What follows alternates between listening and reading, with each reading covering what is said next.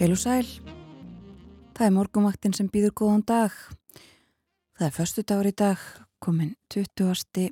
janúar, búndadagur í dag og uh, það er orðið kvast, var orðið ansi kvast uh, á höfuborgarsvæðinu þegar ég var á ferðinni í morgun og uh, það var farið að regna og þannig verður veðri vist áfram En eh, Gíja Holmgjörnsdóttir í hljóðstofa Akureyri, hvernig er veðrið þar núna í morgunsárið?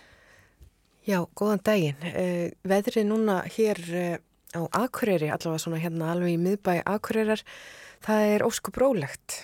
Já. Það var mjög rólegt þegar ég lappaði hérna í vinnuna í morgun.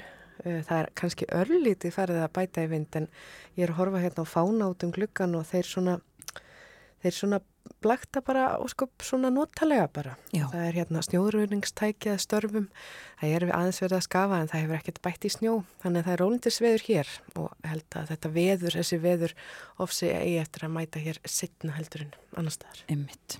Við skulum líta til veðurs eins og það var klukkan 6 á landinu öllu.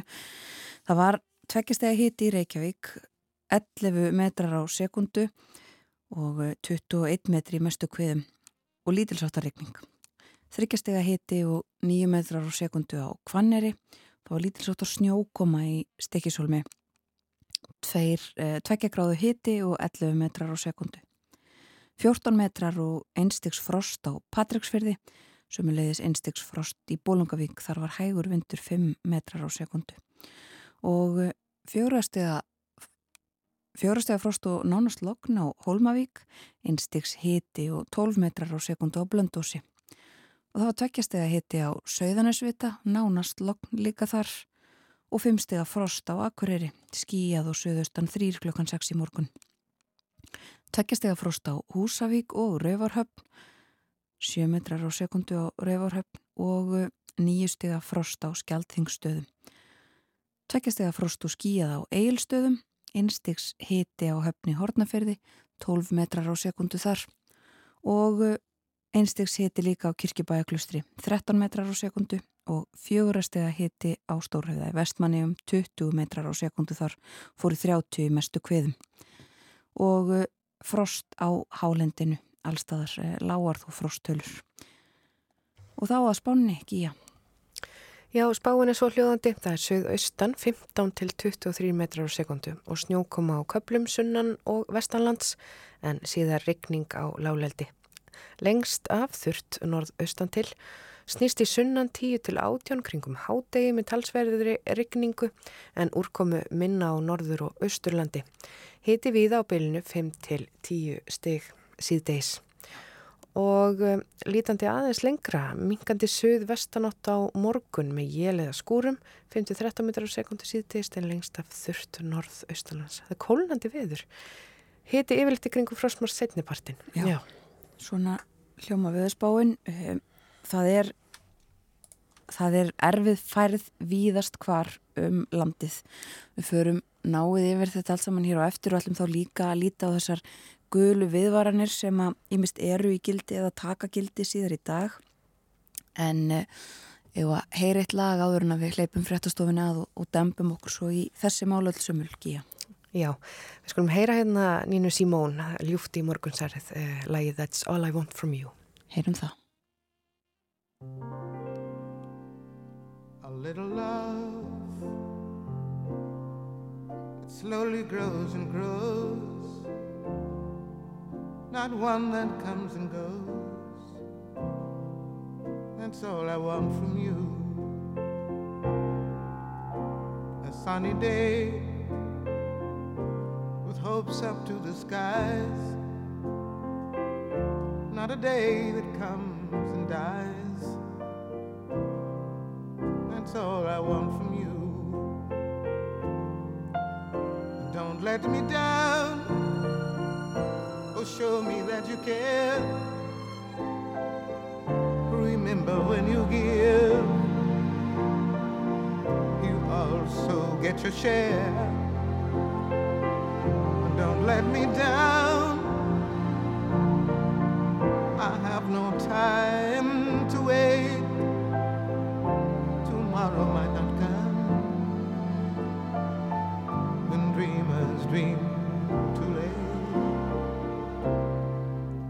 A little love slowly grows and grows. Not one that comes and goes. That's all I want from you. A sunny day, with hopes up to the skies. Not one that comes and dies. That's all I want from you. Don't let me down. Oh, show me that you care. When you give, you also get your share. Don't let me down. I have no time to wait. Tomorrow might not come. And dreamers dream. A little slowly grows and grows. Not one that comes and goes. And that's all I want from you.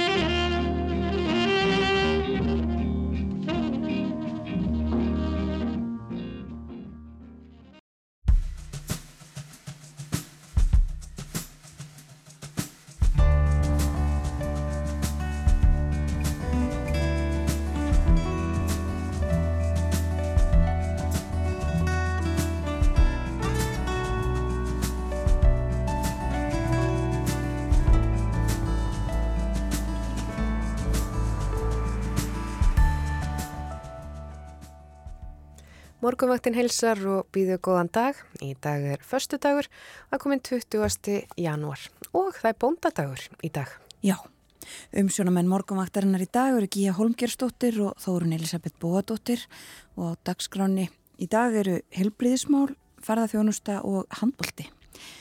Í síðustu viku skilaði viðbragsteimu um bráðaþjónustu í landinu 39 tilugum að aðgerðum, bæði til lengri og skemmri tíma og á landinu öllu. Jón Magnús Kristjánsson, læknir og sérfræðingur í bráðalækningum, var formaður þessa teimis og hann kemur til okkar, verður gestur okkar klokkan halv átta. Svo eru ferðamálin á sínum stað þegar Kristján Sigurjónsson fer yfir það helsta í þeim efnum. Hann verður á línunni eftir morgunfréttir klokkan átta.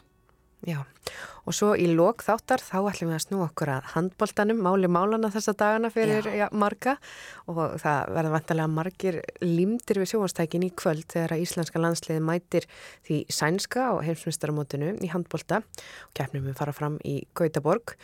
Um, og við ætlum líka að setja okkur í handbóltastellingar hér á morguvaktinu og fáum til okkar gesti sem þó yfirleitt tjá sig um bæjarpolitik í fjölmiðlum en að þessu sinni þá verður engungu rætt um handbóltan.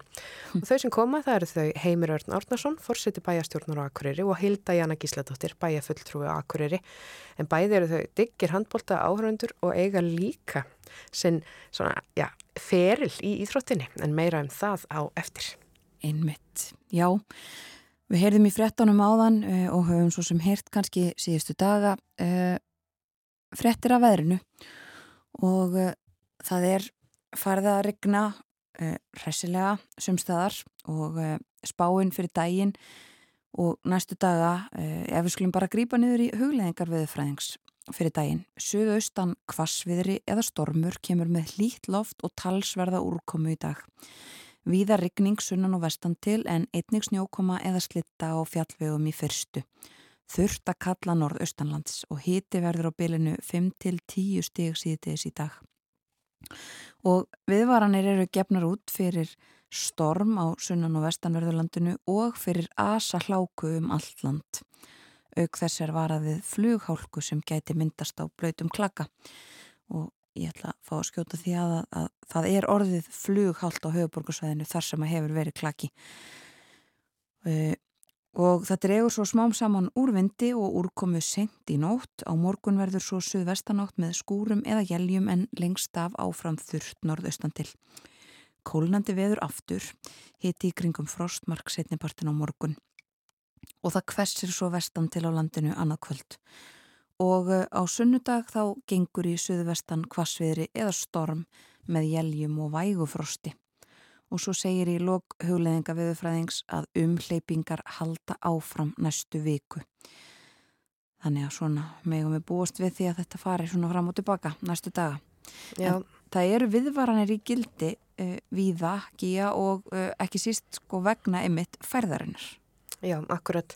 Það eru auðvitað umleipingar samt eins og eh, já, þú komst inn á og það eru auðvitað vakin aðtegli hér á, á vef, vef, vegagerðarinnar að það sé flug, hálka, víða og ef við skulum renna bara yfir eh, færð á vegum um landalt þá er á höfuborgarsvæðinu hálkublettir og mikill vasselgur á vegum á höfuborgarsvæðinu Á Suðu Vesturlundi er þungfært á hellisheiði og er betri kostur að keira þrengslinn þessa stundina. Hálkublettir og mikill vassalgur er á Reykjanesbraut en flughált á Suðustrandavegi. Já. Og Vesturlandi það er eitthvað um hálku á vegum, ófærtir á Fróðarheiði og milli Ólasvíkur og Grundarfjörðar. Og á vestfjörðum er ófært eh, á Stengrimsfjörðarheiði, Kleivarheiði og Háldan og aðtugið að um sunnanverða vestferði geta fjallvegir verið ófærir um morgunin og fyrir að ganga niður er dregur að hádegi og fyrir að regna. Norðurlandið er ófært á Vaskarði og ég sé að það er verið að vinna að mokstri þar samkvæmt kortinu og það er þungfært á Þverarfjalli, snjóþekja og skafræningur á Öxnandalsheiði. Á Norðausturlandi er hálka víða en snjóþekja eða þæfingsfærð á stökustað og Östurlandi er hálka eða snjóþekja víða á vegum og eins og svo ofta áður þá hafa reyndir víða sérst við vegi meðal annars milli djúbavóks og hafnar og eh, fjardarheiði og fagradal. Og Suðausturlandi snjóþekja er víðast hver en þæfingsfærð á kabla á breyðamerkusandi. Og Suðurlandið hálka eða hálkublettir er á flestum leiðum en snjóþekja hluta, biskupstungna bröytar og austan við vík. Svona hljómar færðin og ég ætla bara að endur taka að það er mjög þungvært á hellisteiði og það stendur hér að betri kostu sé að keira þrengslinn þessa stundina. Já. Hálka og flughált víða. Einmitt og borga sig auðvitað allstaðar að kanna þessi mál fyrir fólk sem ætlar að vera á ferðinni. Það er... Já. Já. Erfið um gera að fara valega. En við skulum líta í blöðin eh, og það er einmitt hér á Forsvíðu morgublasins. Eh, þeir gera þetta viður að umfjöllunarefni sínu hér í mynd. Myndinni sem að prýðir Forsvíðuna og hún er af snjómokstri í Reykjavík frá því í gær. Það var verið að losa frá niðurföllum og margvíslegur annar viðbúnaður uppi eh, og það er mynd hérna af eh, stór, stórri gröfu.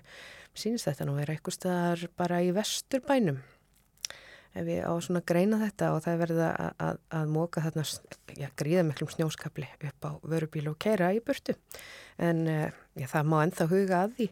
Auðvitað að það er gott að, að uh, taka frá niðurföllum og passa upp á allt síðan í lægi svona áður en þetta allt saman skellur á En uh, skipulag borgarlínunar uh, já, er að byrta stendur hérna framann á, á morgumblæðinu og það er verið að já, aðeins að ræða áfram um á, já, þessar umræðu sem hafa verið í borgarstjórnar Reykjavíkur um uh, þessi verslunar húsnæði uh, í byggðinni á hlýðarenda og svona meiri hlutin og minni hlutin að takast á um hvernig nýta skuli þessi rými.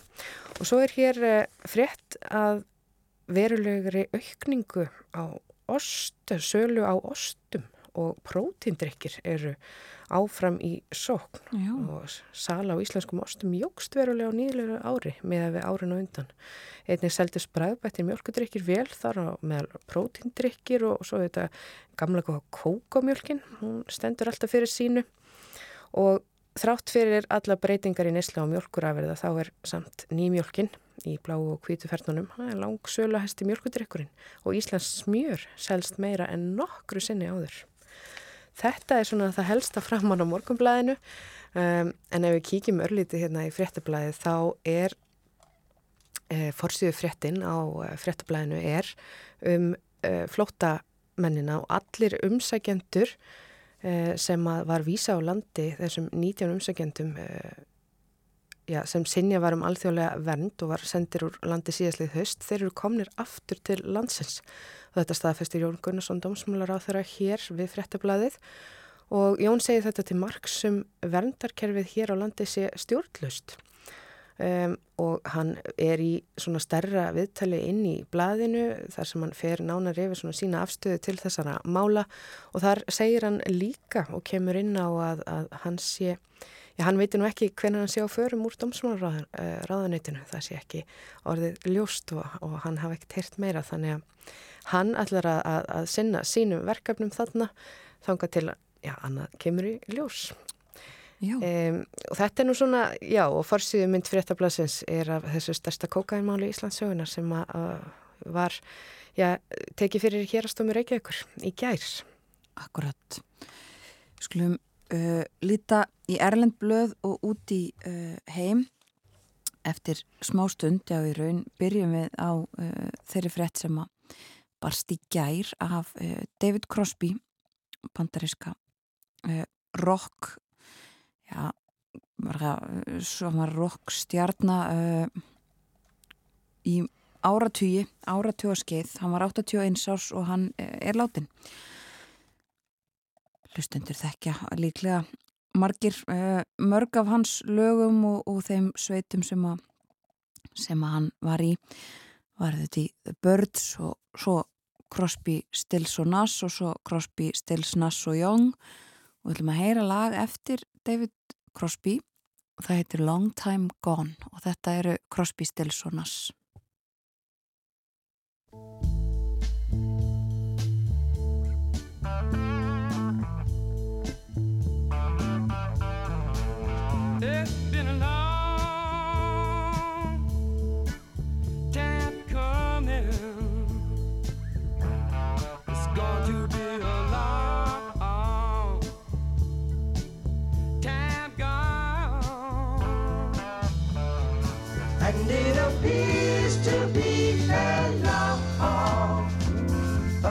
is to be married.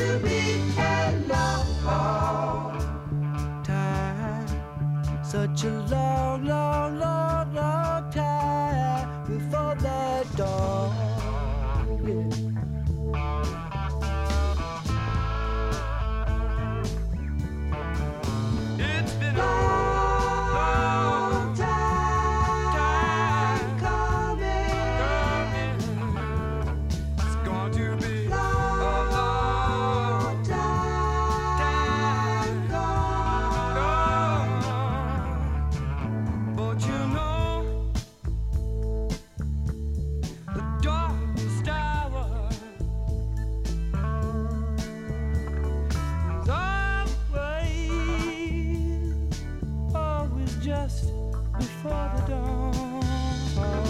And it appears to be a law.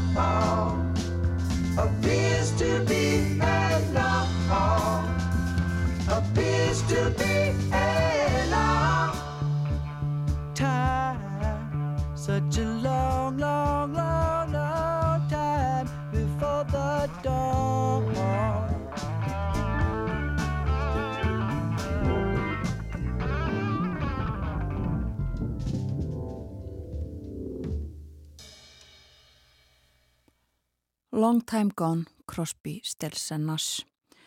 Leikum þetta í kjálfar þeirra frétta sem bárst í gæra David Crosby var í látin. Og uh, þá var fleiri erlendum fréttum. Það er uh, töluverð umfjöllun víða uh, í erlendum fjölmjölum um þennan fund NATO varnarmálar á þeirra NATO-ríkina sem hittast í dag í Þískalandi. Artur Björgvin Bodlason sagði okkur uh, einmitt frá þessum fundi hér fyrir vikunni og uh, það er búist við, eða það er að segja Selenski í Úkrænifórseti er sagður hér í fréttum uh, búast við um, sterkum ákvörðunum. Það verði teknar sagt ákvörðanir um stóru aukinn stuðning við Úkrænu og uh, það er sagt, hernaðar stuðningur og uh, sagt frá því viða meðal annars á fórsýðum bresku bladana að uh, það sé verða auka ennfrekar þrýstingin á, á þísk stjórnvöld að semta skriðdrega eða að heimila öðrum ríkjum í Európu sem að eiga þíska skriðdrega að senda þá til Úkrænu. Það hefur verið andstæða við þetta eða, eða tregða í Þýskalandi og uh, það hefur verið uh, sem sagt, er þannig að þjóðverðar þurfa að samþykja um, það að senda svona skriðdrega þó að önnu ríki eigið á raunin, eigið á en uh, af því að þeir koma frá Þýskalandi. Og þessi fundur fer fram í dag og búist við því á að það verði komið einhverjar, einhverjar ákvarðanir þaðan og uh, aðrar fréttir. Lítum örstuðt til Danmerkur. Fórsíðan og politíkan uh, þar er forutnileg frétt, þar er sagt frá því að um, vísindamenn frá háskólunum bæði í Kaupmannöfn og Árósum hafi uh, verið að skoða mengun í neðanjörðalesta kerfin í Kaupmannöfn og hafi fundið um, óvenjulega eða, eða hafi komið þeim á óvart hversu mikil loftmengun reyndist vera í uh, neðanjörðalesta kerfini. sérstaklega á uh, nýjustu línunni um, sem er ringlínan sem fer svona ring um uh, miðborgina eða þannig um, og þar er sagt, sérstaklega mikið af uh, járn einhverjum svona ögnum sem að eru skadlegar heilsu fólks sagt frá þessu sem sagt í dönskum fjölmjölum í dag. Og í Nóri er líka verða fjalla um lestarmál og fórsíðin og aftenposten. Það er fjallað um þessa follow línu sem er stór lestarlína sem var lokað uh, óvænt og er verið að reyna að koma af stað sem fyrst aftur. Þetta sé áallega að hún opni í lók februar á ný. En uh, breskublöðin eru nokkur uh, ánægð með það að, að það er verðist vera sem að, sem að verðbolgu hámarkinu hafi verið náð í Breitlandi og fjallaðum þetta viða það sé þá merki um að, að það geti farið að aðeins að, leta á uh, lífskjara krísunni þar í landi. Og uh, að lókum þá ætlum ég að það uh, það var auðvitað sagt frá því gæra Jacinda Arden, fórsettir á þeirra Nýjasjólands væri hætt og eða væri búin að tilkynna að hún ætlaði að hætta öllu heldur, hún er ekki alveg hætt en þá það stýttist í það enga síður. Og það eru fjölmarkir um, aðrir um, stjórnmálamenn sem að tjá sig um brottkvarf hennar og telli það mjög skýrmerki um uh, erfileika þess að vera í, uh, vera í þessum störfum og Arden saði frá því í fjölmjölum núna að hún hefði sofið rótt í fyrsta sinni langan tíma. Og uh, segjum þetta gott af erlendum fréttum í byli, viljum að heyra eitt lag. Það fer fram á morgun í hörpu e, Freyju fest, þetta er jazzháttíð e, Kvenna. Og við ætlum að heyra lag e, með önnugrætu Sigurðardóttur sem kemur fram á morgun. Þetta er af plötu hennar frá árunni 2021. Hún syngur og leikur á pianoið. Skúli Sverrisson er á bassa, Magnús Tryggvason Elísson á trommur og Hilmar Jansson á gítar.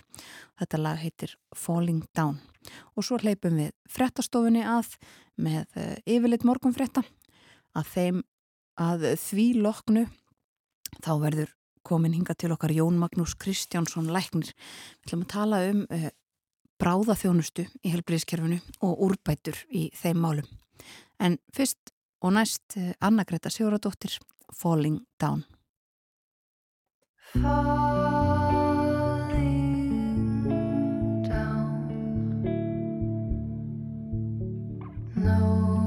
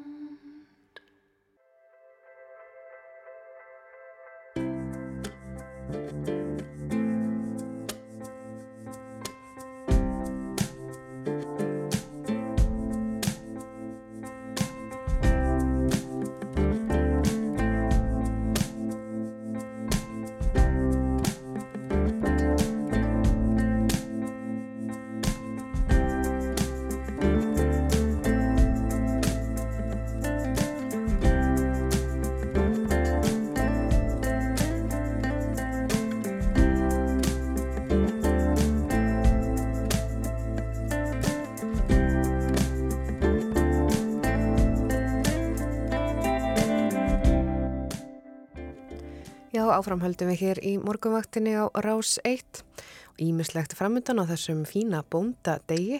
Er nú gular viðvaranir en, en bóndadagurinn er alltaf, já, skemmtilegur dagur. Um, við ætlum að fjallast um handbóltan hér í lok dags, eh, lok þáttar. Þá ætlum við að fá til okkar eh, já, fólk úr bæjapolitikinu og akkuriri. En þau eiga líka svona sinnferil í handbóltanum og þau ætla að tjá sér svona um hennan eh, magnaða leik sem verður núna í kvöld. Þetta er mikilvægur leikur á móti Svíþjóð og það verður ja, áhugavert að kafa ofan í þau mál og svo eru ferðamáli líka á sínu stað hér eftir áttafréttir þegar Kristján Sigur Jónsson verður á línunni. En næst þá er það að allt öðru það er bráða þjónusta í landinu. Já, í síðustu viku skilaði eða var byrt skýrsla viðbragsteimis um bráða þjónustu í landinu og eh, teimið skilaði 39 til lögum að aðgerðum bæði til lengri og skemmri tíma og Jón Magnús Kristjánsson læknir, uh, hann er sérfræðingur í bráðalækningum og var uh, lengi yfirlæknir á bráðamóttökunni hér í Reykjavík. Hann var formaður þessa teimis og uh, hann er komin inga til okkar, verðu velkomin. Jú, kæra þakki fyrir að bjóða mér. Takk fyrir að koma. Við ætlum að ræða um, þessa skýslu uh, aðalega auðvitað þessar tillögur sem þið setji fram. Byrjum kannski þar. Uh, hverjar eru svona, ef við getum svona tekið saman, við getum kannski ekki talið upp 39 tillögur, en svona það sem að uh, það er ráðleggingar sem þið hafið í svona stórundráttum. Í stórum dráttum þá snúast ráleikingarnar annars vegar um uh, skipulag þjónustu. Uh, það snýst svolítið um stöðlun á þjónustu þannig að við skiljum hvað við getum átt von á að í þjónustu kelsugjæslu stöðvað mismöndi stærðum sjúkurahúsa út um all land og svona kvartning til helbriðstofnana um það að uh, horfa til gæðavísa og líkil um, talna þannig að við getum svolítið fylst með hvernig þjónusin er á hverju venni stað þannig við höfum rétt að yfirsýn. Þannig að það er ekki til staðarinnu núna, við höfum ekki þessi yfirsýn yfir það hvernig þessu er uh, synd um all land. Nei, við höfum svolítið uh, held ég sofið á verðinum gagvar því að hafa heildar sín á bráðaþjónustu í landinu og, og við er sjálfum hafandi verið á bráðamóttökunni hérna í, á landsbítalanum held kannski að það hafi druknað í umræðina um ástandið á bráðamóttöku landsbítalan sem hefur náttúrulega farið hátt lengi. Já. Þannig að, að það fyrsta sem við þurfum að gera var að, að ná yfirsýn yfir því að hver er veikt bráð á þjónust á landinu og, og hvernig er aðstæðan til þess á hverjum einum stað. Já, og það er svona það sem að þarf að gera, það er verkefnið um, og þegar við strax fengið viðbröð, þú saði mér það líka áðan að það, svona, það fór eitthvað að gerast strax þegar þið voruð að vinna áður en þið skiluðu skýslunni, en, en einhver vinna er hafin í, við úrbætur. Já, það sem við sáum þegar við fórum yfir stöðuna, það var það að það var ofbúslega mismunandi hvaða tækjabúna var til staðar á mismunandi stöðum út um allan til að veita þessa þjónustu. Og það var sumstaðar það sem vantaði mikilvægum búnað og annar staðar það sem var komið að mikilvægri enduníin sem hafi ekki orðið á þeim búnaði sem var til. Þannig að, að við lögum strax fram meðan á vinninu stóð tillögur til helbriðsráð þeirra um úrbætur þeim mánum og, og sem betur fer þá var fyrst orðið við því gagvart sjúkrahúsum landsins og síðan í kjölfari gagvart öllum helskjálfstöðum. Þannig að við, þannig að helsu, helbriðstofnanir eiga þá að geta tryggt skilgreindar lámaspúlað á hverjum að einum stað. Já, og við erum einmitt bara svona svo skýrum það, við erum að tala um í rauninni e, sko það sem að telst bráðaþjónusta er einmitt það er kannski fólk heldur kannski svona í fljótu bræði það sé einmitt bráðamóttakan og, og, eh, eða bráðamóttökur en það eru sérsagt e, heilsugjastlur eru þarna undir og þeir eru líka fjallum einmitt, ég minna, sjúkraflutningana e, og öll sjúkrahús landsins eða hvað teljast Já. þarna inni Já, það er alveg rétt. Við, við horfum á bráðaþjónustuna sem það viðbrað sem að þarf að geta orðið þegar bráð veikindi eða slís verða hvar sem er á landinu. Mm -hmm. Þannig þetta getur verið allt frá, eins og segi, sjúkraflutningum með sjúkrabíl eða fljóvil eða þyrlu landtæliskeslunar yfir í, í móttökuna á helsugjæslustöð eða sjúkrahúsi og samstarfið þarna á milli. Já, einmitt og sko það er fjallað, það er komið víða við þessari skýslu og ég mynd líka minnst á það sko sjúkraflutningar hafa uh, kannski batnað með því að vegir hafa batnað og, og, og fleira slikt en það eru þetta og hefur verið talað um, heyrum þetta sko frettir reglulega til dæmis af bara löngum viðbrastíma það er það er ekki sama aðgengi að bráðaþjónustu um all land. Nei, það er það ekki og, og, það verður það mjög seint, eh, bara eðlumálsins samkvæmt.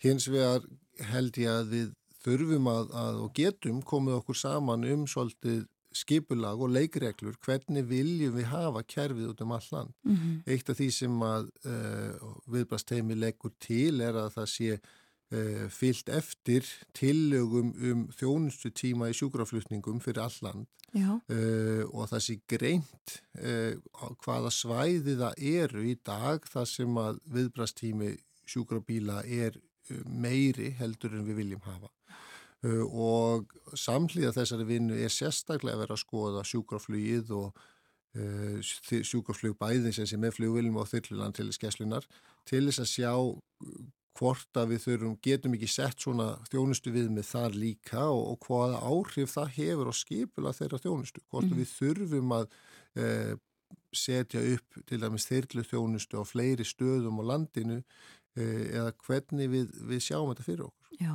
það er stundum talað um það einmitt að það myndi skipta miklu ef að það væri sjúkrafljóðil eða þyrla staðsett annar staðar líka. Já, Bara, það skiptir náttúrulega gríðarlega miklu máli fyrir það svæði já. að gera það og, og, og við þurfum þá að finna út uh, hvar það á að vera og, og þessi þjónista er hins vegar alveg óbúslega dýr. Já. Eh, þannig að, að við þurfum þá líka að sjá hvað hvað hefur við efni á að hafa þetta á mörgum stöðum og vera vissum það að við fáum mest fyrir peningan okkar með því að gera það mm. eh, samanborið við það að styrkja sjúkrabíla á svæðinu. Já. Þannig að, að þetta er ekki það einfalt að við getum bara sett upp þyrlur í öllum landsfjörðungum uh, en við getum gert ímislegt og eftir sem að, að heilbriðu þjónusta og viðbræðs geta mingar á hverju einu svæði þá verða sjúkraflutningarnir mikilvægri. Uh, og þess vegna eru þeir líkil hluti líka í bráðaþjónustu landsins. Já, eh, aðeins og þannig að við förum um nánar í þetta, sko, þjónustu viðmið erum við þá að tala um að, sko, já, hvað þýðir það? Er það ákveðin uh, tímalengt að aðgengi bráða þjónustu eða er það kílometrafjöldi eða hvernig verður það skilgjönd? Það sem maður myndi vilja setja þetta upp sem er yfir tímalengt, það sé ekki lengra heldur en tiltekin mínútufjölda og það sem er lagt til er, er í dreifbíli sé ekki lengra heldur en 20 mínútna útkall í alvarlegustu tilvikin og við náum að uppfylla því í að minnstakosti 90% tilvika. Eins og staðinu núna? Nei, það er það sem, Nei, við, það viljum gera. Það er ekki búið að, að setja þetta upp með þessum hætti. Uh, og síðan þurfum við náttúrulega að taka þetta út. Við þurfum náttúrulega að kanna þetta, hvernig þetta er. Það sem við gátum kannað er staðsetningar sjúkrabíla mm -hmm. uh, og, og reyndum að áætla það svæði sem þeir sjúkrabíla gæti þjónustum með þessum hætti og þó koma ljós ákveðin svæði á landinu þar sem þetta er útlokað í dag og þá hafa saumahelbriðstofnum bröðið á þá ráð að, að, að þar settast upp svona hópar það sem heitir vettvangsliða uh, oft byggir það á björgunarsveitónum eða helbriðstarfsfólki á svæðinu uh, til þess að geta þá komið fyrir á staðin heldunum sjúkrabíling gerur að því að það er þannig í bráðaþjónustu að, að lengt viðbræðs skiptir alveg óbúslega miklu máli. Já. Hvaða svæði eru þetta á landinu? Við getum til dæmis nefnt uh, í öræfum er þetta svona, við getum nefnt uh, Súðavík og Flateyri á vestfjörðum, uh, við getum nefnt Grenivík á Norðurlandi, þannig þetta eru svona svæði sem er svona, uh, er lill hópur af hérna, þorp samfélag fólks hvort sem það er íbúar eða ferðamanna e, e, það sem er langt í næsta viðbrað. Já. Eða mögulega e, mikil hætta á því að vegi lókist út út af veðri eða, eða öðrum ástæðum. Akkurat, eins og staðin er núna við um landi. Já, já.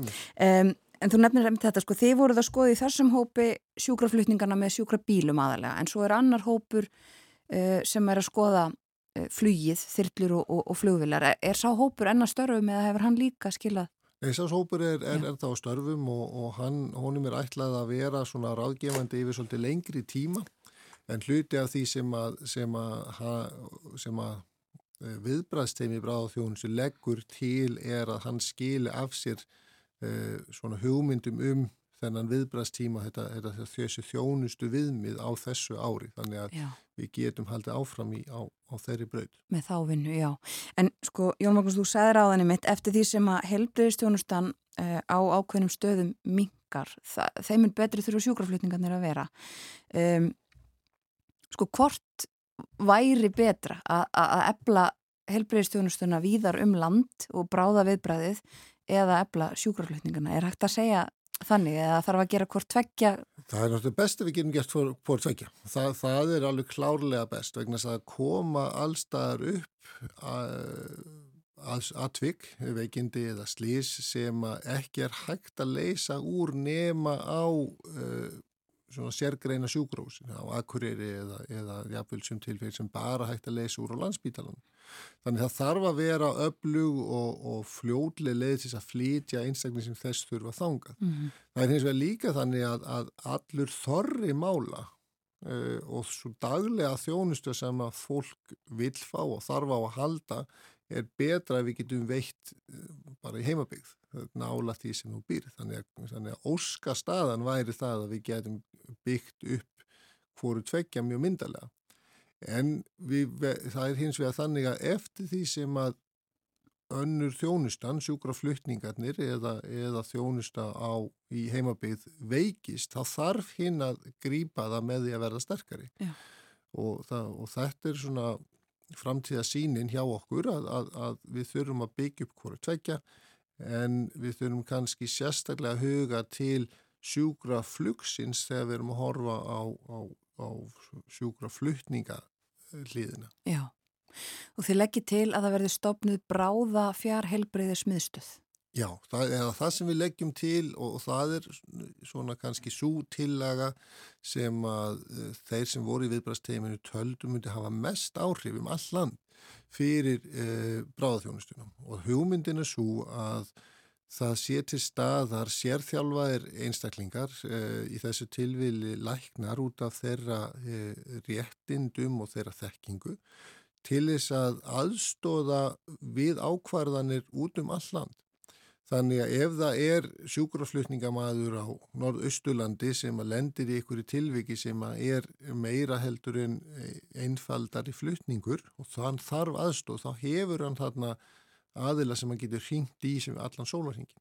Uh, þetta myndi líka stiðja við uh, minna reynda, reynd helbriði starfsfólk og öllum helsugjæflistöðum eða sjúkurhúsum landsins fyrir bráðatilvíkin á hérna höfuborgarsvæðinu þá myndi það vera mikilvægt fyrir sjúkrafutningamennina í, í slökkulegu höfuborgarsvæðisins að geta fengið þarna ráðgjöf, það er, það er meira og meira verið að, að reyna að stöðla því að hægt sé að afgreða mál í heimahúsi, það sem sjúkrabíl hefur kallaði til og þá þurfa þeir bakkjarl í, í þeim ákvörðunum, mjögulega þarf að koma viðkomandi í þjónistu þá næsta dag, þá þurfu ekki að flytja á þessum tímapunkti og þá þurfa bakkjarl í það Og sér maður líka nefna að það er óbúslega mikilvægt fyrir uh, neyðasýnverði neyðalínunar að hafa faglegan stöðning til þess að ákveða hvaða viðbræði að þeir eiga þeir í raun og vera að virka. Já. Að því að það getur orði tafir á því að sjúkraflýið sé virkjað með, meðan að vera býða eftir mati á ástanduna á staðnum. Þannig að það er einhver sem ringir inn út af alvarleg og slisi eða eitthvað svo leiðis. Upplýsingarnir eru ofta á tíðum óljósar í byrjun og kannski ekki fyrir en að komin sjúkrabíli að helbriðstafsma á vettvang er tekin ákvörnum að það þurfi á þyrlinu að halda. Já, þá er tapast tími. Já, þá tapast tími. Já. Og við erum að vonast til þess að með því að koma upp þessum fjár þjónustu, þessum fjárlækni eða fjarskiptalækni eins og við rétt ætlum að kalla hann, að þá veri hægt að flýta því viðbræði líka. Já, og þetta er vendanlega eh, eitthvað sem kannski tæknin er að hjálpa til með, að læknir getur þó verið á öðrum staðin en séð og, og fengið upplýsingar líka Já, þannig. Já, það, það eru margar, margi þættir í þessari þjónustu sem er hægt að sinna í fjárþjónustu. Já. Það kemur hins vegar aldrei veg fyrir það að það sé helbiðistarsmaður á staðnum. Mm. Uh, og, og það er mikilvægt að hafa í huga það er ekkit í þessum tillögum sem er verið að leggja það til að í staðin fyrir að byggja upp uh, mönnun í helbriðistjónust og landsvísi og það sem verið að koma einhverju fjárþjónustu í staðin þetta Mm. snýst ekki um það, þetta snýst um fjárstuðning við þá helbriðistarfsum sem eru út um alland Já. við vonumst, það sem við höfum hýrt er að það eru margir í dag sem vegri sér við að taka þessi stöður á landsbyðinni vegna þess að þeim finnst þið vera óbúslega einir. Uh, og við erum þá líka að vonast til þess að þetta sé þá eitt af skrefanum til þess að, komast yfir þann hjalla líka.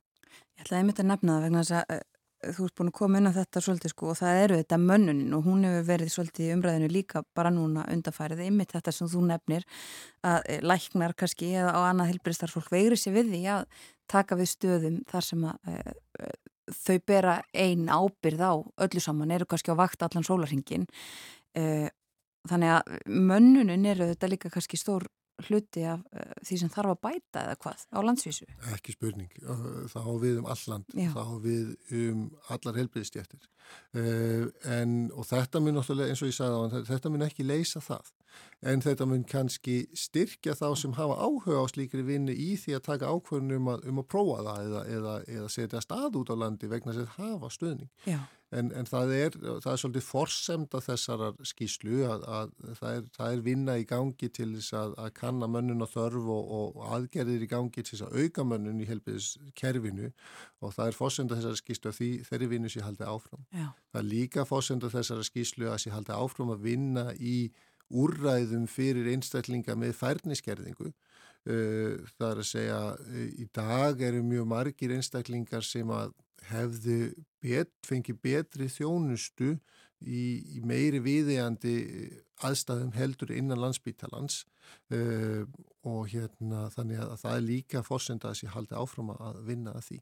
Útskýri þetta annars nánar. Jú, það er þannig að, að uh, spítali er besti staðurum þegar þú ert með, flókin uh, bráðveikindi eða, eða langvinnveikindi sem eru mjög alvarlega og þar, þar svona teimis nálgun og mjög, mjög mikla há tækni þjónustu.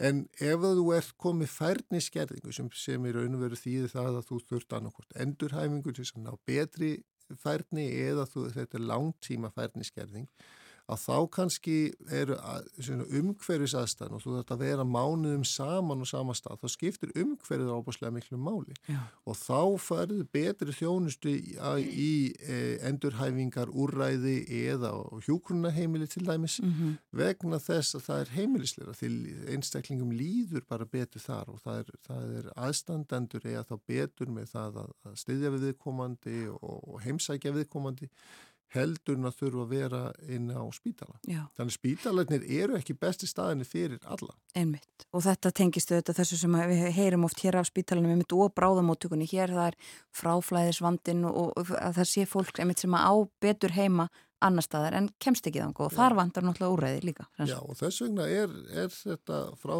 þess vegna erum við svo ofta að tala um það hvað fráflæðisvandi er vondord vegna þess Mhm. að þetta snýst um þjónustu skort. Þetta snýst ekki um það að einstaklingarnir séu eitthvað vandamál, þetta snýst um það að við hefum ekki eh, náð að byggja upp nægilega góða þjónustu fyrir þá sem er með færniskeringu. Einmitt. Það er góðu punktur, það er ekki fyrir þess að einstaklinga að sakast þegar það er ekki, það stundum eins og þeir séu fyrir, það er ekki svoleiðis. Já það er bara alls ekki þannig. Nei. Uh, mér langar aðeins inn í lokinu mitt að uh, ræða við um, um þessi mál. Sko, það er líka talað um uh, þessi mál hér á höfuborgarsvæðinu og til dæmis kemur hérna fram mati læknavaktarinnar þá að alltaf helmingur þeirra sem að leita þangað gætu fengið bótsinu mála hjá heilsugjæslinni en hjá heilsugjæslinni er allt sprungið og, og bráðumóttakan er auðvitað inn í þessum kannski vítarhing líka. Hvernig er hægt að leysa úr þessu? Það sem við nánast alltaf fáum mest út úr er að styrkja grunnþjónustuna. Það er svona, svona grunnlegjandi þema í, í e, helbiðstjónustu. Þannig að með, núna er sem betur fer margir sem eru að leggja stund á sérnám í heimilisleikningum uh, og við er, vitum það að við erum í lægð uh, í, í mönnun heimilisleikna í dag og, og við munum vera það svolítið næstu árun og jafnvel verður verra án að verður betra. En ef okkur ber gæfu til að, að, að laða jafn marga áfram í heimilisleikningar og þá, er, þá verður þetta betra með tíman. Já. Og það er það sem við þurfum að halda. Við þurfum að styrkja helsugæslustöðunar uh, og við þurfum að gæta þess að þær síðu á, á sama tíma heldur ekki að sinna óþarfa verkefnum. Það sem heimilisleikna hafa mikið bent á er vottorða fargan sem að þau þurfa að sinna og hafa þar um leiðan til minni tíma til að sinna uh, þeim sem vilja til þeirra, leita til þeirra. Við þurfum að ná einhverjum böndum eða búa til einhverja leikreglur um það hvernig við notum skilabóða hverfið í helsuveru Eh, það er alveg, er alveg óbúslega gott kerfi og, og það er enginn sem vil, vil fjallæga þetta en, en það getur heldur ekki verið þannig að, að það allir hafi allan sólarhingin óheftan aðganga sína heimilisleikni það, þá brenna þeir bara út líka og, og þetta veldur álægi sem gerir það að það eru, þeir geta uh, eh, synd færri kom mm -hmm. og það sem er að gerast er það að þeir sem fá ekki tíma á helsugjæslustöðunni síni, þeir leita á læknavaktinu. Það er það sem læknavaktinu á við með það að, að það sé stór hluti sem getur betur fengið þjónustu í helsugjæslunni. Það sem við sjáum að hins vegar læknavaktinu leysir úr 97% af þeim málum sem leita þánga og ekki nema 3% sem þeir vísa áfram á bráðamóttökuna. Þannig það er bara innan við 10 einstaklingar á dag á, á venjulegum degi. Já og, og við sjáum það líka að samkvæmt mati stjórnunda bráðamóttökunar er það í kringum 10% af þeim sem kemur þangað sem að hefðu geta fengið þjónustu annarkort á helsukjálfstöð eða á göngu eða dag til spítalans. Já. Þannig að, að í stórum dráttum er, er stæsti veikleiki kervisins í dag e, það að við erum í, í vandraði með mönnun á helsukjálfstöðunum, bæði lækna hjókunarfræðinga. En já, þannig að það er þannig að 90% af þeim sem koma inn á bráðumóttöku hér uh, eiga heimaðar í rauninni. Það, já. já. Þannig að það er ekki þannig að það sé verið að teppa bráðumóttökuna fólki sem ekki þarf aðstóð þar. Nei, það er það ekki. Og, og, hérna, og við viljum í raun og veru frekar að fólk komi uh, heldur en að vegri sig við að mæta. Eh, það getur verið mjög gott að ringja í upplýsingasíman annarko 1770 eða 1700 til þess að fá aðstóð við þessa ákvörðun en maður er ekki viss mm. en við viljum alls ekki að fólk sem er með bráðveikindi eða, eða alveg slís vegri sér við að koma á bráðamóttökunar. Þeir eiga að koma þangað og, og vandi bráðamóttökunar er ekki tilkomin vegna þess, þeirra sem leita þangað. Hann er tilkomin vegna þeirra sem að þurfa að leggjast inn en fá ekki pláss og legudeildum út af plássskorti þar. Já. Þannig að, að við meðum ekki setja þetta upp þannig að það sé fullt af fólki að koma óþörfu á bráðamóttökuna, fólk megi alls ekki koma á bráðamóttökuna. Það er ekki vandin í kerfinu. Nei. Og við getum uh, varið öðrum 20 mínutum uh, trúi ég að tala um það sem við erum komin inn og núna sem erum eitthvað sko, fjöldi rúma, uh, fjöldi hérna, plássa og mönunin inn á landspítala en við komumst ekki í, það, í þetta skipti. Takk fyrir að segja okkur frá þessum uh, tillögum viðbragst heimisum bráðaþjónustu í landinu. Jón Magnús Kristjánsson Læknir. Takk sem leðis.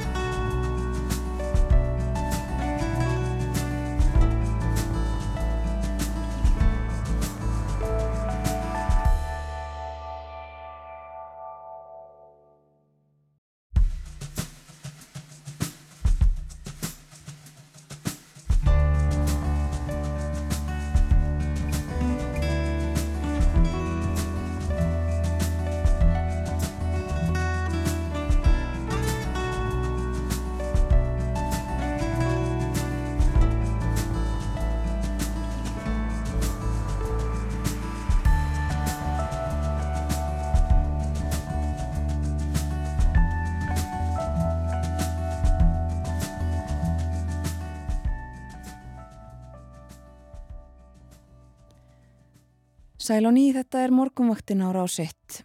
Klukkan 6 minútur gengin í nýju það er förstu dagur í dag, 20. januar.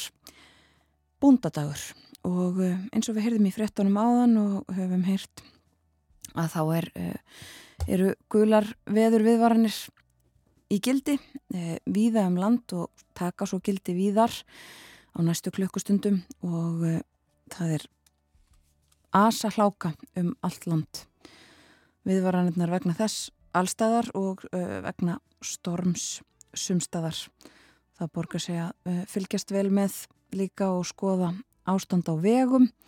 Það er ansi erfitt víða. Það er eins og við heyrðum líka í frettunum áðan hálka, hálkublettir og mikill vasselgur sumstaðar.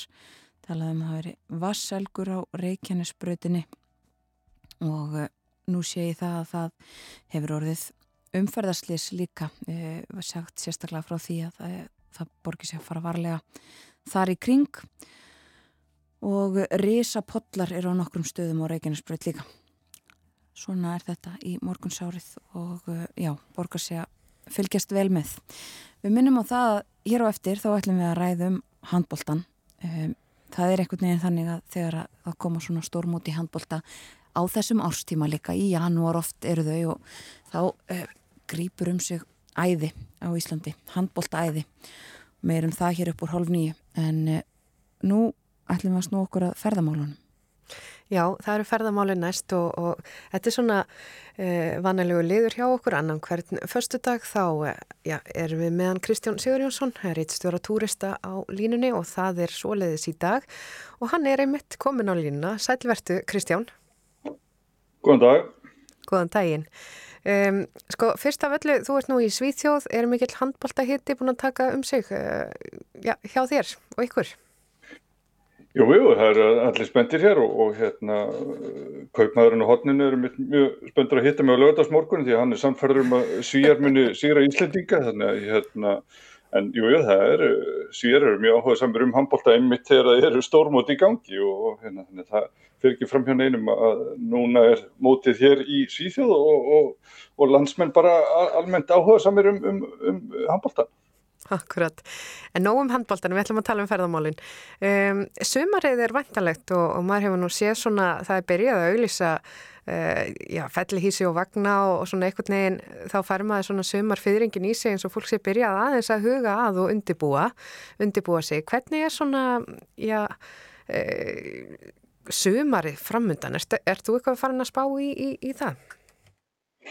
Já, svona prívat og persónlega er ég nú aðeins svona að velta þessu fyrir mér en, en svo svona út frá vinnunni þá er ég búin að um, taka það saman hvað er mikið frambóð að flýja í, í sumar í kortónum og, og mér sín stefna í að það verði þetta fljúa frá keflækufljúvelli til svona rétt ríflega 70 áfangastæða, það voru tala um svona reglulegt fljóð að mista eitthvað einferði viku mm. uh, til samanburðar voru áfangastæðinir tölvöld fleiri sumarið 2018 sem var svona metári í íslenskri ferðarþjónustu, þá var flóið til já, 90 áfangastæð, þannig að þetta er tölvöru samdráttur en, en, en einhver síður það koma þannig nýjir áfangastæðir til, til að myndaverðir í fyrsta sinn flóið til eh, Aþenu í Greiklandi og Porto og, og svo kom inn hann að danskar borgir eins og Álaborg og Árósar, allt eru þetta svona nýjungar á, vegum play á meðan að Æslandi er uh, svona sækir kannski á slóðir sem Vá er síndi á þér, það er að Æslandi er alltaf að spreita sér á flugi til Tel Aviv og til dæmis Detroit í bandreikunum en, en, en þetta er alltaf tölvert frambóð og munum það, við erum ekki svo fjölmenn þjóð og eiga að kosta því að fljúa til 70 erlendra borga með reglulegum hætti yfir sumamánin er náttúrulega mikið frambóð. Já, það verður að teljast ansi gott. Ein, ein... Já, þetta skrifast náttúrulega á, á mikið á að við erum náttúrulega byggjum mikið árið á ferðarþjónustunni og, og það er bara eh, alveg ljóst að líka ferðarmenn sem setja stefnin á Íslandi sumar geta flóið beint til Íslands frá fjöldamörgum stöðum. Þetta er náttúrulega mikið, sko, sem betur fyrir, það er mikil samkeppni á mörgum svona líkil flugleiðum, það er fjögur flugfélag sem munum fljúa millir Íslands og New York til dæmis, þrjú millir Íslands og Kaupmannahafnur og, og fimm frá London til Íslands, þannig að, að samkeppnin er, er, er töluverð og eiginlega bara hörð, getur við eiginlega sagt og eiginlega áhört að sjá hvað Ísland er og play eru farin að sækja inn á sömu áfokastæðina. Já, einmitt. Já, uh, og þetta er ekki allt sem sagt, þetta er ekki allt fyrir okkur, allir 70 áfangastæðnir, þetta er auðvitað samspil eins og segir, við gerum út á ferðarþjónustuna. En hérna, uh, einn af svona vinsalustu áfangastöðum okkar Íslandinga í gegnum árin uh, er spán. Hinn er ímsu áfangastæðir á spáni og það er bjart síni í ferðarþjónustunni þar.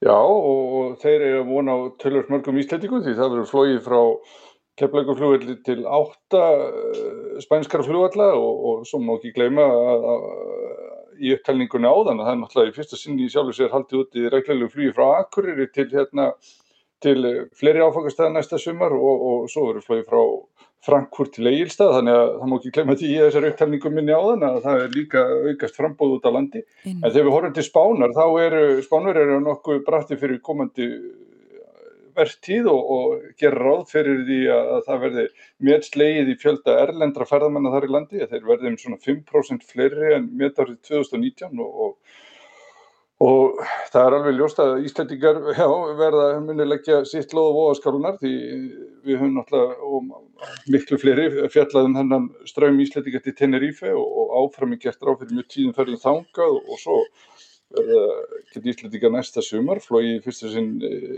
allanum reglulum hætti til Lanzarote sem er einn af Kanaríjónum, þannig að það er að aukast að úrvalið af flýið þangað uh, og svo eru spánverðar líka sko ferðarfrömmið það er nokkuð bjarsinir á að þeir geti rukkað meira fyrir til dæmis hótelherbyggin en, en, en, en hægt var hérna áður fyrir og, og þetta er það sem við sáum náttúrulega á í fyrra að fargjöldin og gistingin var dýrari í flestu tilvikum en þetta hafði verið árónu fyrir heimsvaraldur og, og það er svona verist vera ákveðin björnsin í, í ferðageranum að það verið hægt að rukka þá sem er á ferðinni meira eh, áfram verið hægt að rukka svolítið hátt fyrir eh, flest allt sem kemur að ferðalögum. Emmitt, eh, sko núna, eh, nú í januar þá er þetta að fljúa til Alicante, til Barcelona, til Gran Canaria, Canar, sem við kallum venjulega Canari, eh, til Madridar og til Tenerife og það bætast sem sagt við þetta, þessir fleiri áfangastæðir, Lanzarote og hvað er það svo í viðbútt? Ég, ég held að ég hef séð flug til Mallorca auglist, getur það ekki verið? Jú, jú. Mallorca og Almeria og hérna og svo náttúrulega, já, Barcelona ef þú hefur ekki talið það, þá borgáðan þannig að þetta er hérna mm. er í sjálfu sér já, tölvöld frambóð og, og ekki bara á vegum einhver eins flugfélags heldur er þau, er mörg að sinna þessu þannig að, og ferðarskristofu líka þannig að hérna, en að móti kemur svo varðandi sko ef við líkjum, horfum á næsta sumar og byrjaðum saman við það sumar sem við kvötum í fyrra, að þá er ljósta að þetta dregur aðeins úr frambóð og flugi til Ítalju. Íslandika streymdu til Ítalju í fyrra og Ítalju til Íslands í meira mæli en nokkuð dæmir um en enga síður allar visser flugfélagið ungarska að hætta að fljúa til Íslands bæði frá Napoli og Fennium og, og þar með dregur aðeins úr frambóðinni því það verðist engin annar alltaf að taka við þessum fluglegum. Þannig að þetta er svona, þetta er mikið áhreyfingu og, og svo sem ekkert útiloka að það bætist eitthvað við fyrir, fyrir sumarið einmitt. En þá, sko, við talaðum um play hérna og það auðvitað, eh, og bæði þessi íslensku flugfjölu og þau e, þeirra áfangastæðir skipta miklu í, í þessu öllu saman. E, það verið fréttir af því, Kristján, síðustu daga að það séu e, uppsagnir meðan meðal flugliða, þess að flugfræja og þjóna hjá play. Getur þú sagt okkur aðeins nánar frá því? Já, það er alltaf að tala um þetta, að það séu þannig óanægja meðal áhafna og þá flugfræja og flugþjóna sérstaklega um varðandi laun og, og vinnu álag og, og svo líka þetta fyrirkomulag með, með stjættafélagi, það að segja stjættafélag flug, flugfræja og, og já, allra áhafnar eftir að setja play er, er svona félag sem að verði til upp úr stjættafélagi Váer á sínum tíma. Og þetta var ASI-deildin alltaf mjög harkalega þetta fyrirkomulag á sínu tíma sem eru 2021 en, en nú er kannski spurningin hver, hvernig þessi mál er að þróast í það er náttúrulega uh, þrýstingur á laun uh, flugfræja, flugþjóna og, og flugmanna víðum heim. Uh, þetta eru eftirsótti starfskraftar og, og það hefur verið skortur á sérstaklega flugmennum vestanhans sem, og til margum það hafa fórstjórar banderísku flugfélagana kreint frá því nú í, í áspyrjun og það sé útlitt fyrir að að rekstra kostnaði félagana minni hækka og meðal annars vegna þess að það þarf að borga einfallega áhöfnunum herri laun. Það er, er, er eftirsótti starfskraftar og, og lítið dæmum þetta er að einn þeirra sem situr í stjórn Æslandir er, er Ástrali að nafni John Thomas, sá er að reyna að stopna flugfélagi í bandregjónum og, og hann er gengur það illa að ráða flugmenn. Að hann bauð eh, nú í sömar áslun upp á 36 miljónir íslenskara króna eða 250.000 bandregjódólara en uh, það verist ekki að hafa gengið neitt sérstaklega vel því að ennþá er þetta flugfélag ekki komið í loftið. En þetta eru 36 miljónir á árið, það eru 3 miljónir á mánuði þannig að það er verið að bjóða mjög hálaun en, en einhver síður nær maðurinn ekki að ráða til sín nægilega marga flugmenn. Og, og svo er spurningi bara hvort að þetta þessi þróun skilir sér svolítið til Íslands og, og þá til play að það flugfélag verði að koma til móts við sitt fólk með eh, já, jável, betri kjörum og minna álægi og, og harri launum. Innmitt, en það er auðvitað ekki þannig að e, íslenskir, íslenskar áhafnir getu gengið inn í störf til dæmis í bandaríkjunum, það þarf náttúrulega atvinnulefi og svoleiðis, en, en þetta er svo að þróun við það. Já, já, þetta er, en þetta er nefnilega orðin mjög flókið sko, því að já, eins og segir, það er ekki auðvitað að fara að vinna í bandaríkjónum, mm. en á sama tíma erum við með mjög umsögum mikið flugfélag á keflæguflugvelli, Wizzair, sem er sérst ungkvæst uh, lággjaldaflugfélag. Og það félag sérst leifir ekki sínu starfsfólki að vera í, í, í stjættafélagi og það hefur orðið til þess, til dæmis að ráðamenn í Noregi, Svíþjóð og, og jáfnveil fleiri stöðum hafa sagt að myndi aldrei fljúa með þessu flugfélagi, því það verði ekki rétt laun þegar til þess að mynda samtök en mm. við höfum aldrei heyrt þannig gaggrinni frá íslenskum ráðumennum einhver síður er þetta flugfélag já, mjög umsöða mikið ákjaflægu flugvelli og, og stærsta erlenda flugfélagi í raun og veru.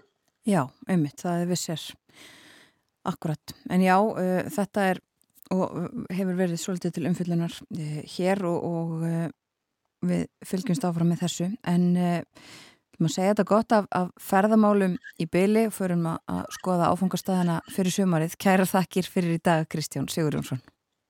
Takk sem leiðis. Já, það eru ferðalögin sem eru alltaf ofalega í huga margara, já, sama hvað ástíma en, en, en fólk auðvitað skipulega sig já, mikið fram í tíman. Fint líka að láta hugan reyka í svona veðri eins og gengur yfir hér á Íslandi í janúar og ekki síst svona myrkum mótnum. Kristján saði okkur það nú áður en við fórum í loftið og það er munur eh, hér og í, í, í Svíþjóða þar er orðið bjart, þar verður bjart fyrir á mótnana þó að svo takkir skamdeginu við líka snemma. Já, byrtanu þetta skipti miklu máli. Svo heyrði ég ekkert tíman að uh, það væri gott fyrir geðhilsuna að fara í svona hugar ferðalug að uh, þó maður kannski far ekki í ferðalagi sjálft á endanum að, að, að skoða ferðalegðir og, og láta hugan reyka og, og láta sér dreyma. Það er alltaf, alltaf gott líka. Já. En við skulum heyra smá tónlist hér á eftir ferðarspjallinu og vist að hann uh, Kristján Sigur Jónsson er stattur í Svíþjóð og hann talaði um að það væri mikill spenningur þar á, á, á meðal Svíja, margir spenntir fyrir gengi þeirra manna og bara handbóltanum að þá skulum við heyra hérna í henni einu sönnu hljómsveit Abba og lægið er Ígul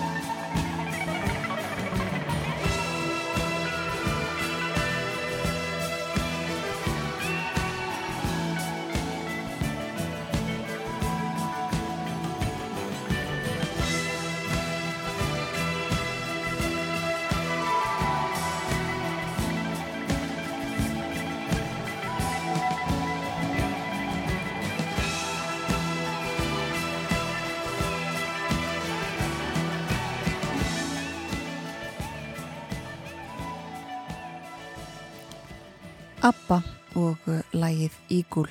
Leikum þetta í kjölfar spjálsokkar við Kristján Sigurjónsson, riðstjóra túrista.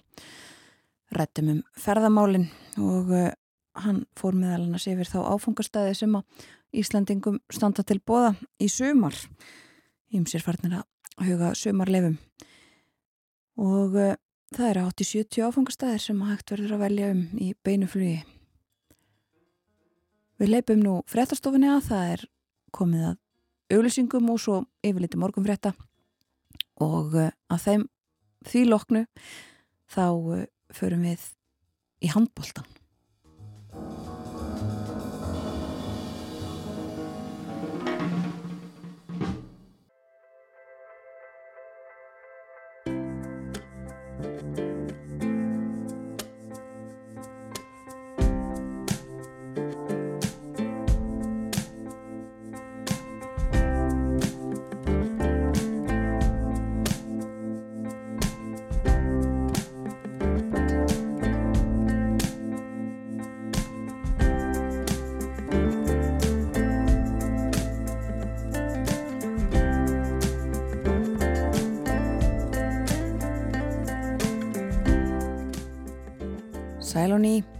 Þið eru að hlusta á morgunvaktina á rás 1 klukkan orðin liðlega hálf nýju, það er förstu dagur í dag 20. januar og bóndadagur. Og svo við minnum á það einu sinni enn fyrir þau sem eru nýkomin á fætur eða nýbúin að kveikja á útvarpstækjunum þá eru gular viðvaranir í gildi. Þar hefa ímist tekigildi eða takagildi síður í dag um allt land vegna asa hláku og eh, sumstaðar líka eh, kvassviðri eða stormur. Ég mist eh, komið eða á leiðinni og það er erfið færð víðast hvar um landið af þessum sökum. Það þarf að fylgjast vel með veðri og færð víða eh, og borga sér að skoða. Vefi vegagerðarinnar annarkvort þennan hefðbundna vegagerðin.is eða umferðin.is þar er hægt að sjá líka eh, kort vegna eh, kort yfir landið og, og vegavinnu og það hvað verður er að gera hverjum stað. Eh, við myndumst á það áðan að það sástu mitt hér á korti að það hafi orðið umferðaslis á eh, Reykjanesbröð og þar er, eh, eru líka stórir potlar, mikill vasselgur og það á við eh, víðar á vegum. En við heyrðum í lokin á yfirliti frétta frá fréttastofunni eh, líka mynd á það að í kvöld þá fer fram leikur annar leikurinn í milliriðlinum á heimsmyndstarmótunni í handbolta og eh, í hljóðstofunni fyrir norðan á Akureyri þar er Gíja komin með eh, góða gesti og þau ætla að ræða handboltan næstu mínuturnar. Eh, við sendum boltan yfir til þín Gíja. Já, takk fyrir það og það er auðvitað viðegandi að senda boltan núna á millir landsluta þar sem við ætlum nú að fjalla um handboltan Það er þessi leikur í kvöld uh, Ísland-Svíþjóð, þetta er svona uh, mikill úrslita leikur skulum við segja, örlögin verða svolítið ráðin í þessum leik, hvað gerist fyrir uh, íslenska landslið og, og, og áframhaldandi göngu okkar á þessu heimsmestara móti og ég kom hérna með góða gesti, Heimi Örn Árnarsson og Hildi Jönu Gísladóttir, bæði úr bæjapolitikin hér á Akureyri Þeir eru nú yfirleitt fengið til þess að ræða bæjarmál en að þessu sinni þá fáum við ykkur bara í handbóltaspjall og enda kynnti ég ykkur sem svona þið eigið bæði glestan feril í handbóltanum. Komiði sæl. Já, takk fyrir það. Við skulum byrja heimir uh, á þér uh, ef þú segir okkur aðeins uh, frá þínum svona handbóltaferli. Já, hann er, hann er mjög langur. Ég hérna, byrjaði fimm ára. Mm hætti 38 ára. Hann hætti 33 ár og, og hérna tók smá pás á milli en hérna ég tík þessu marga leiki búin að spila. En því miður áeiningin er maður kringu 30 landsleiki hefur við viljað hafa fleiri en, en hérna var aðeins og lágvaksinn það er það sem af, afsökun. En, en bara hérna til að nefna þá vaknaði ég bara með spennun út í morgun og hugsaði til þess að þeir voru að vakna landslistrákarnir og væri að fara að spila og hérna mikil öfund en vákaman hlaka til þetta er bara, þetta er bara undirbúningur og fer í mm. búðina og, og, og mæti klukktímur leik fyrir svona sjónvarpið og það er rosalega spenna ég er bara á eröð með að vinna í dag sko. Já, það er bara þannig eh, og þú varst þarna, tókst 30 leiki cirka báti með landsliðinu þannig að þú þekkir þetta, að vera Já. úti að vera með spenningin eitthvað neginn og væntingar þjóðarinnar á herðunum svolítið. Já, ég náði einu stórmóti hérna með, með Óla Óla Steff og Alexander og, og ég held svona yngin eftir í mm. landsliðinu mm. ég held að Björgun hefði komin, hann var yngin í, í, í dag sem var ég var að spila með en þetta er, er ótrúlega pressa á strákonum og þú sér Já. það er, ég var ekki nónað með pressuna hörum át, það var allir að halda um til vinna eða eitthvað svo leiðis en þeir sem var fylgjast vel með handbólta vissu að þetta svona 5. til 8. sæti fannst með raunhæft Já. En þetta snýst allt um leikin í kvöld við verðum að vinna eða jafntefli vinna eða jafntefli Já Hilda Janna, ég sagði að þú hefði rátt líka svona þinn feril og það er alveg satt. Þú átt svona smá feril í handbóltanum. Sveimir þá, aðeins aðeins stittri en heimis. Ég auði handbólta með káer frá því að ég var örglega að byrjaði 10 ára, hætti 16, leiklega 15 eða 16. En náði því sko ótrúlega afregi að verða sko Íslandsmyndari í handbólta með þrjaflokki Kvenna og Káer og hérna það sem við unnum ógleimanlega val með einu marki þar sem það var viti á loka sekundinni en því miður þá, þá var þetta var geggja lið uh, og ári eftir fengum við hörmulegan þjálfara svo ég segi það nú bara á íslensku og allt liðið hætti. Og á þeim tíma þá skiptur nú kannski stelpur í handbólta ekki mjög miklu máli, það gerði engin aðtóðsend við það að heilt Íslandsmestara lið hefði hætt á einu bretti, ég held að það hefði verið einn sem hafi haldið áfram og, og var landslýskona í handbólta og einn eins og allra flottasta í boltanum. Já, eh, það er líka svona með handboltan og, og að byrja ungur, þú byrjaði 5 ára og, og þú varst þarna Íslandsmeistari 15 ára. Um, það er þessi hóp andi sem skapast og, og liðseldin og að gera eitthvað að vinna eitthvað mm -hmm. markmið. Hefur þetta nýst þér svona í politískum ferli? Já, veistu það í alvörunni. Þetta, þetta sko, það að vera þáttakandi í svona liði þó það sé bara úlingsárunum og ekki á einhverju svona leveli þar sem þú ert að keppa fyrir land og þjóð, en það að verða þáttakandi og vera partur á svona liði og samstöðu e, og sko, vera að spila þeim sem eru bestir í hverju stöðu, finna sko, hvað þú ert að síðan ekki uh, styðja þann sem er síðan að ganga vel, uh, peppa þann upp sem er það ekki og svo framvegis er nýtist alveg ótrúlega vel inn í bara lífinu í fjölskyldu, vinnustad og, og svo framvegis. Og svo þessi einstakar tilfinning að tilheyra að tilheyra hóp sem er liðið þitt, það er eitthvað það er fátt sem er eitthvað einn fallegra heldur en að tilheyra uh -huh. þannig liði. Og ég menn við stelputar sem voru þarna fyrir öllum þessum árum. Sko, við, ég held að við eigum allar sammert að eiga svona sérstakann staði hjarta hver annarar og við höfum alveg hýst síðan og ég held að þau bönd uh, muni sent rofna Já, eh, Heimir, Örn, þú segir einmitt að þú bara finnur til í líkamannum, þú vaknaður í morgun og ert einhvern veginn alveg með landsliðinu þarna úti, veist hvað þeir eru að kanga í gegnum og það eru svíjarnir sem eru eh, andstæðingar okkar í kvöld og mikil spenna. Hvað finnst þér svona enginna þetta sænska lið, hvernig verða, eru þessi mótærir okkar? Ég er búin að horfa á tvo leiki með, með Svíþjóð og þráttur að ég sé bjastlít í kvöld þá því miður þá eru þeir með alveg óhugnarlega stellið. Mm eru með tvo menn í öllum stöðum og, og eru með besta mann mótsins og, og hérna frábæra markmenn, þetta verður rosalega erfitt en máli er bara að við erum ekki búin að eiga toppleika ennþá, við erum Nei. ekki búin að toppa á þessu móti, höfum alltaf náð svona einum geggjum leik Já. sem bara við höfum unnið frakkana með nýju og við höfum unnið Þískaland, við höfum við hefum gert ótrúlega luti og, og hérna, ég er bara alltaf að trúa því að þetta smelli akkurat í kvöld. Þannig að við toppum okkur í kvöld og við höfum svolítið átt góða kabla í leikjónum mm -hmm. en svo pínu dotti niður í eitthvað svona læður eh, en við megum ekki eiga neitt svona læðakabla í kvöld. Hann má ekki vera langur og ég, sem betur verið elvar örd selfisingu með í kvöld með þess að hann okkar langt besti vardamadur. Mm.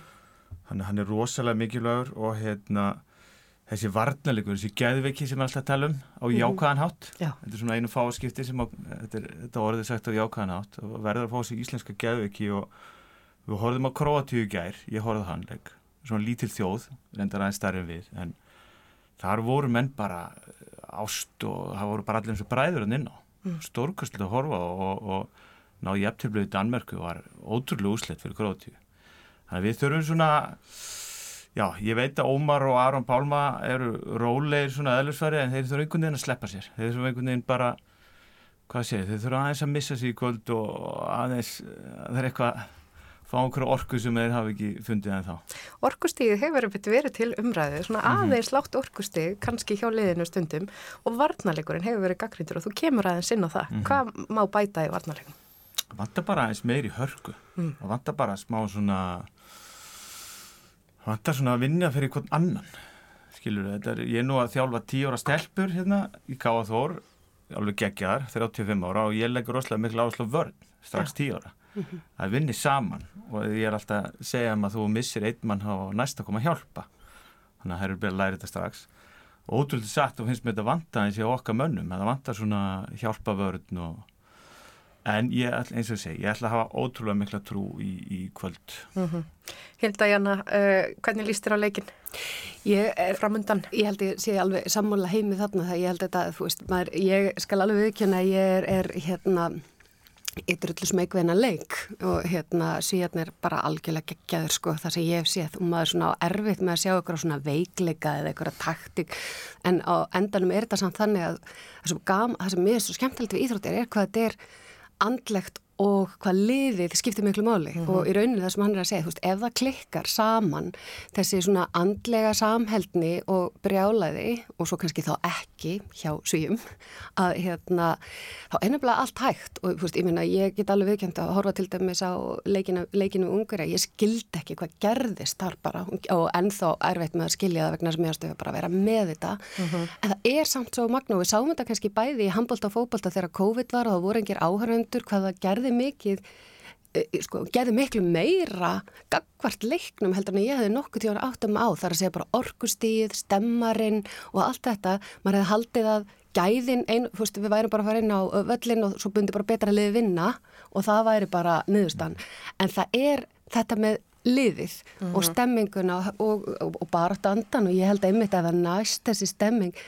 Ég held reyndir að þjóðin sko, já, jú, reyndar þjóðin ætla störgla til sigus mm. en hérna ég held að svona einstinni vitu við að það, það þarf allt að ganga upp já, svo að er... það gerist, en það er séns mm -hmm. og hérna og ég vona að landsliðið okkar fari líka svolítið þannig án, án pressu en mm. með mikla von og barðu. Já, og það, sko Þú talar um, um stemminguna, það eru mm -hmm. bara margar flugvilar að fljúa þarna út í Gautaborgar, mm -hmm. stútfullar af íslensku stöðningsmönnum en einhverja síður þetta er á heimavelli, eh, heimir, svona skipti máli, heimavellurinn og vera með stöðningsmönnuna alveg í kringa það ekki. Syngjum við ekki bara þetta er engin heimavellur?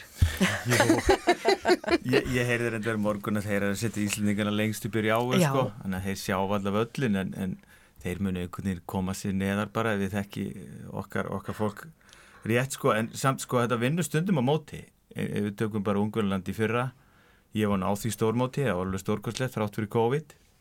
Maður fekk reynda COVID á þessu móti en það skiptir ekki máli en, en hérna þá horfum við ára í Ísland Ungverðland á heimaðalli Ungverðina og þeir einhvern veginn svona höndlu ekki pressuna.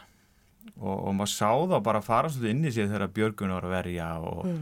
Ómar Ingi var að spila stórkostlega og en því miður þá eru svíjarnir aðeins reynslu meiri og, og svona meiri, meiri kallar heldur en úgöðarnir finnst mér en, en hérna aldrei að vita að, mm.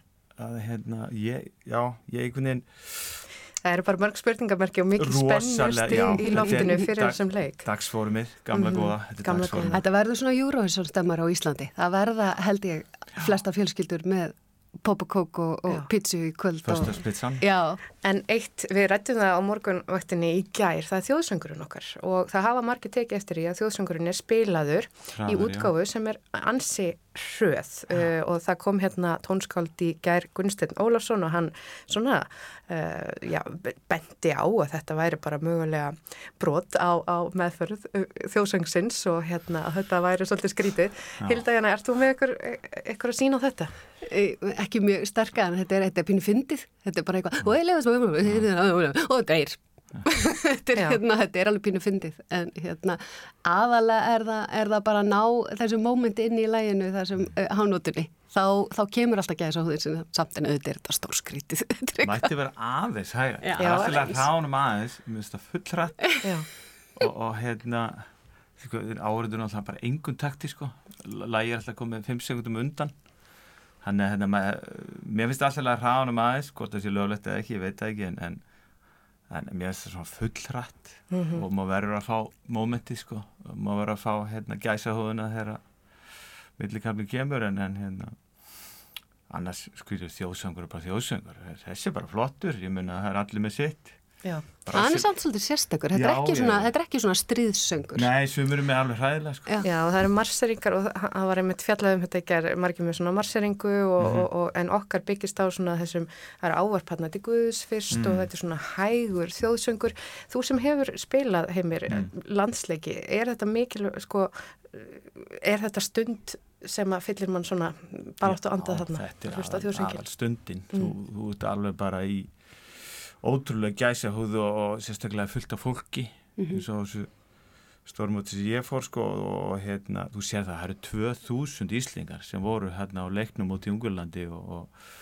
og Portugal, þetta er ekkert smá fjöldi þannig að þeir eru gríðarlega stoltir og að, ég ætla að hvetja strákana, ég veit það eru örglega ekki að hlusta okkur en mér finnst ofáir svona að fá stúkuna með sér mér finnst það Bjarki Már mm -hmm. og Björgvin og stundum í mér í vörninni mér finnst bara að þeir eiga allir að grípa tækifar og fá þetta fólk með sér það er svo gaman sko. mm -hmm. Og þetta er gaman sko við vorum að tóla, tala um það áðan janúar. Janúar getur verið erfiður.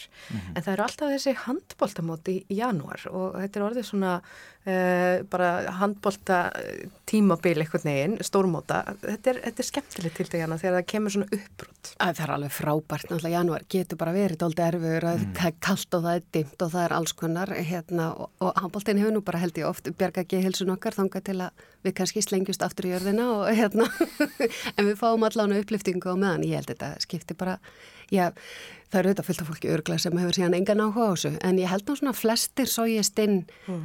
Svona, þetta er svona eins og með Eurovision, þú kannski, hérna, þó þú hafið ekki brjálæslan áhuga, þá samt kannski tekkar á mm. lokakvöldinu og það er svolítið íkvöld. Já, er ykkur lið sem hefur, svona, hafa hyllað þig sérstaklega, annars heldur en þetta íslenska lið?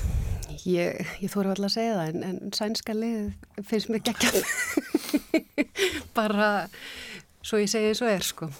Ég, ég verð bara að segja, hérna, grænhöfða eigjar, út í að, hérna... Mm þeir voru alveg líla góður með að maður bara fullt af fólki sem fóð bara í landafræðibrók og landafræði bók hvað sagði ég? Þú sagði, landa, þú sagði landafræði brók já, sem að hefur auðvitað hérna, eh, glatt margar hlustendur. Brókun og svolítið norrlands þetta við í janúar en hérna það er auðvitað mjög margir búið að fletti svo upp og, og þeir stóðu svo ótrúlega vel. Mm. og já, ég, mér fannst leðilt að lesa daginn eftir bara djóðalega lélegt og við máttu að vera mm. miklu betri út þeir voru bara fínir í handbósta mm. stórir og sterkir og, og hérna Þannig að þeir komi virkilega óvart. Og eitt sem að enkendi kannski leik þeirra að þeir tóku mikið á skotum utan að velli ja, sem fast. að hefur ekki verið svolítið hjá íslenska liðinu. Hvað veldur því? Já, við erum bara, sko, það er um þetta eins og segja, Aron Pálmarsson þarf svolítið að fara að rífa sér í gang. Hann, hann á að vera okkur skitta. Hann á að skjóta fyrir utan og, og fá vörnina til að mæta framar og það er rétt hjá þér, vinsi skittan hjá Grænhöfum, hann bara var Nýju mörg maðurleiksins, minnum mig. En Ómar Íngina það er bara ekki þannig leikmann, hann gerir allt annað. Hann mm -hmm. bara stóðstingar fyrir gegn og lokar öfunum og gerir ykkur töfrabröð, sko. Hann er hérna, við erum bara með aðeins öðru sér leikmann. Já, um, sko, ykkar spá svona fyrir leikinni kvöld, Hilda Jana, nú, nú skaldu taka fram spátum snefið. Það eru velun?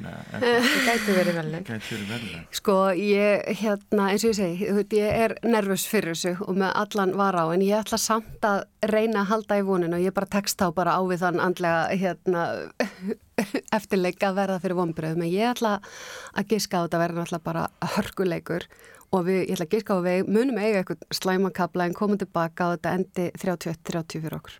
31-30. Heimir? Já, ég var búin að gíska á þetta, ég ætla að segja 29-29. Bara jafntefni. Já. Það er auðvitað á, ásættanlega niðurstað fyrir okkur. Jafntefni myndi hjálpa okkur, eða ekki? Já, þá eigum við en þá góða möguleika. Ef við vinnum Brasilíu, sundum. Við erum búin að spjalla hérna um handbóltan uh, við bæjar fulltrúina Heimjörn Árnarsson og Hildi Jóni Gísladóttir. Þið tali nú aftast um bæjarmálin en nú var það handbóltin sem var undir en það er bæðið svona fyrir í handbóltanum sem við höfum aðeins svona grínast með. Mjög svipað. Mjög svipað. Já, þú með nokkra landsliðsleiki og Hilda Janna var Íslandsmeistar í, í, í þriðjaflokki. En uh, smáabæriaprólitíkinni, aðeins og nýlokkin, stóra kattamálið það átti að vera tekið fyrir á bæjarstjórnafundi hér á Akru 17. januar.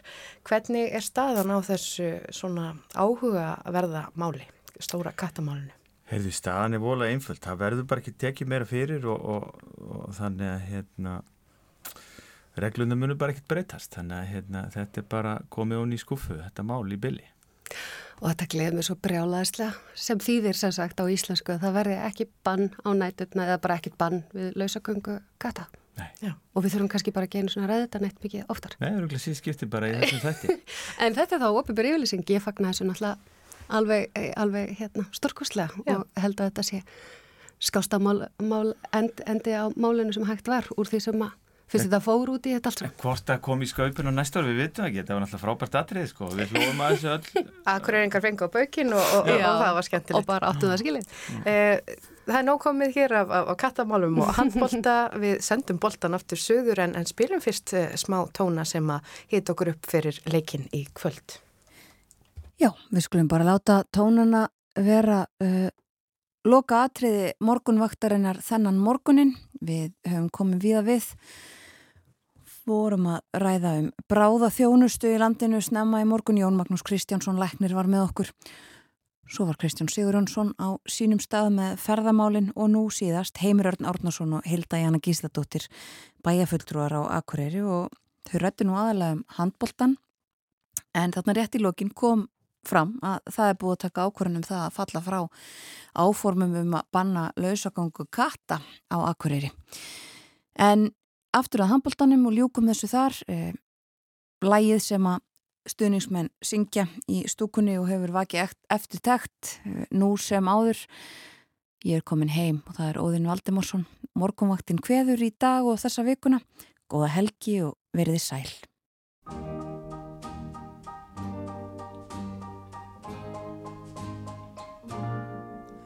Er völlur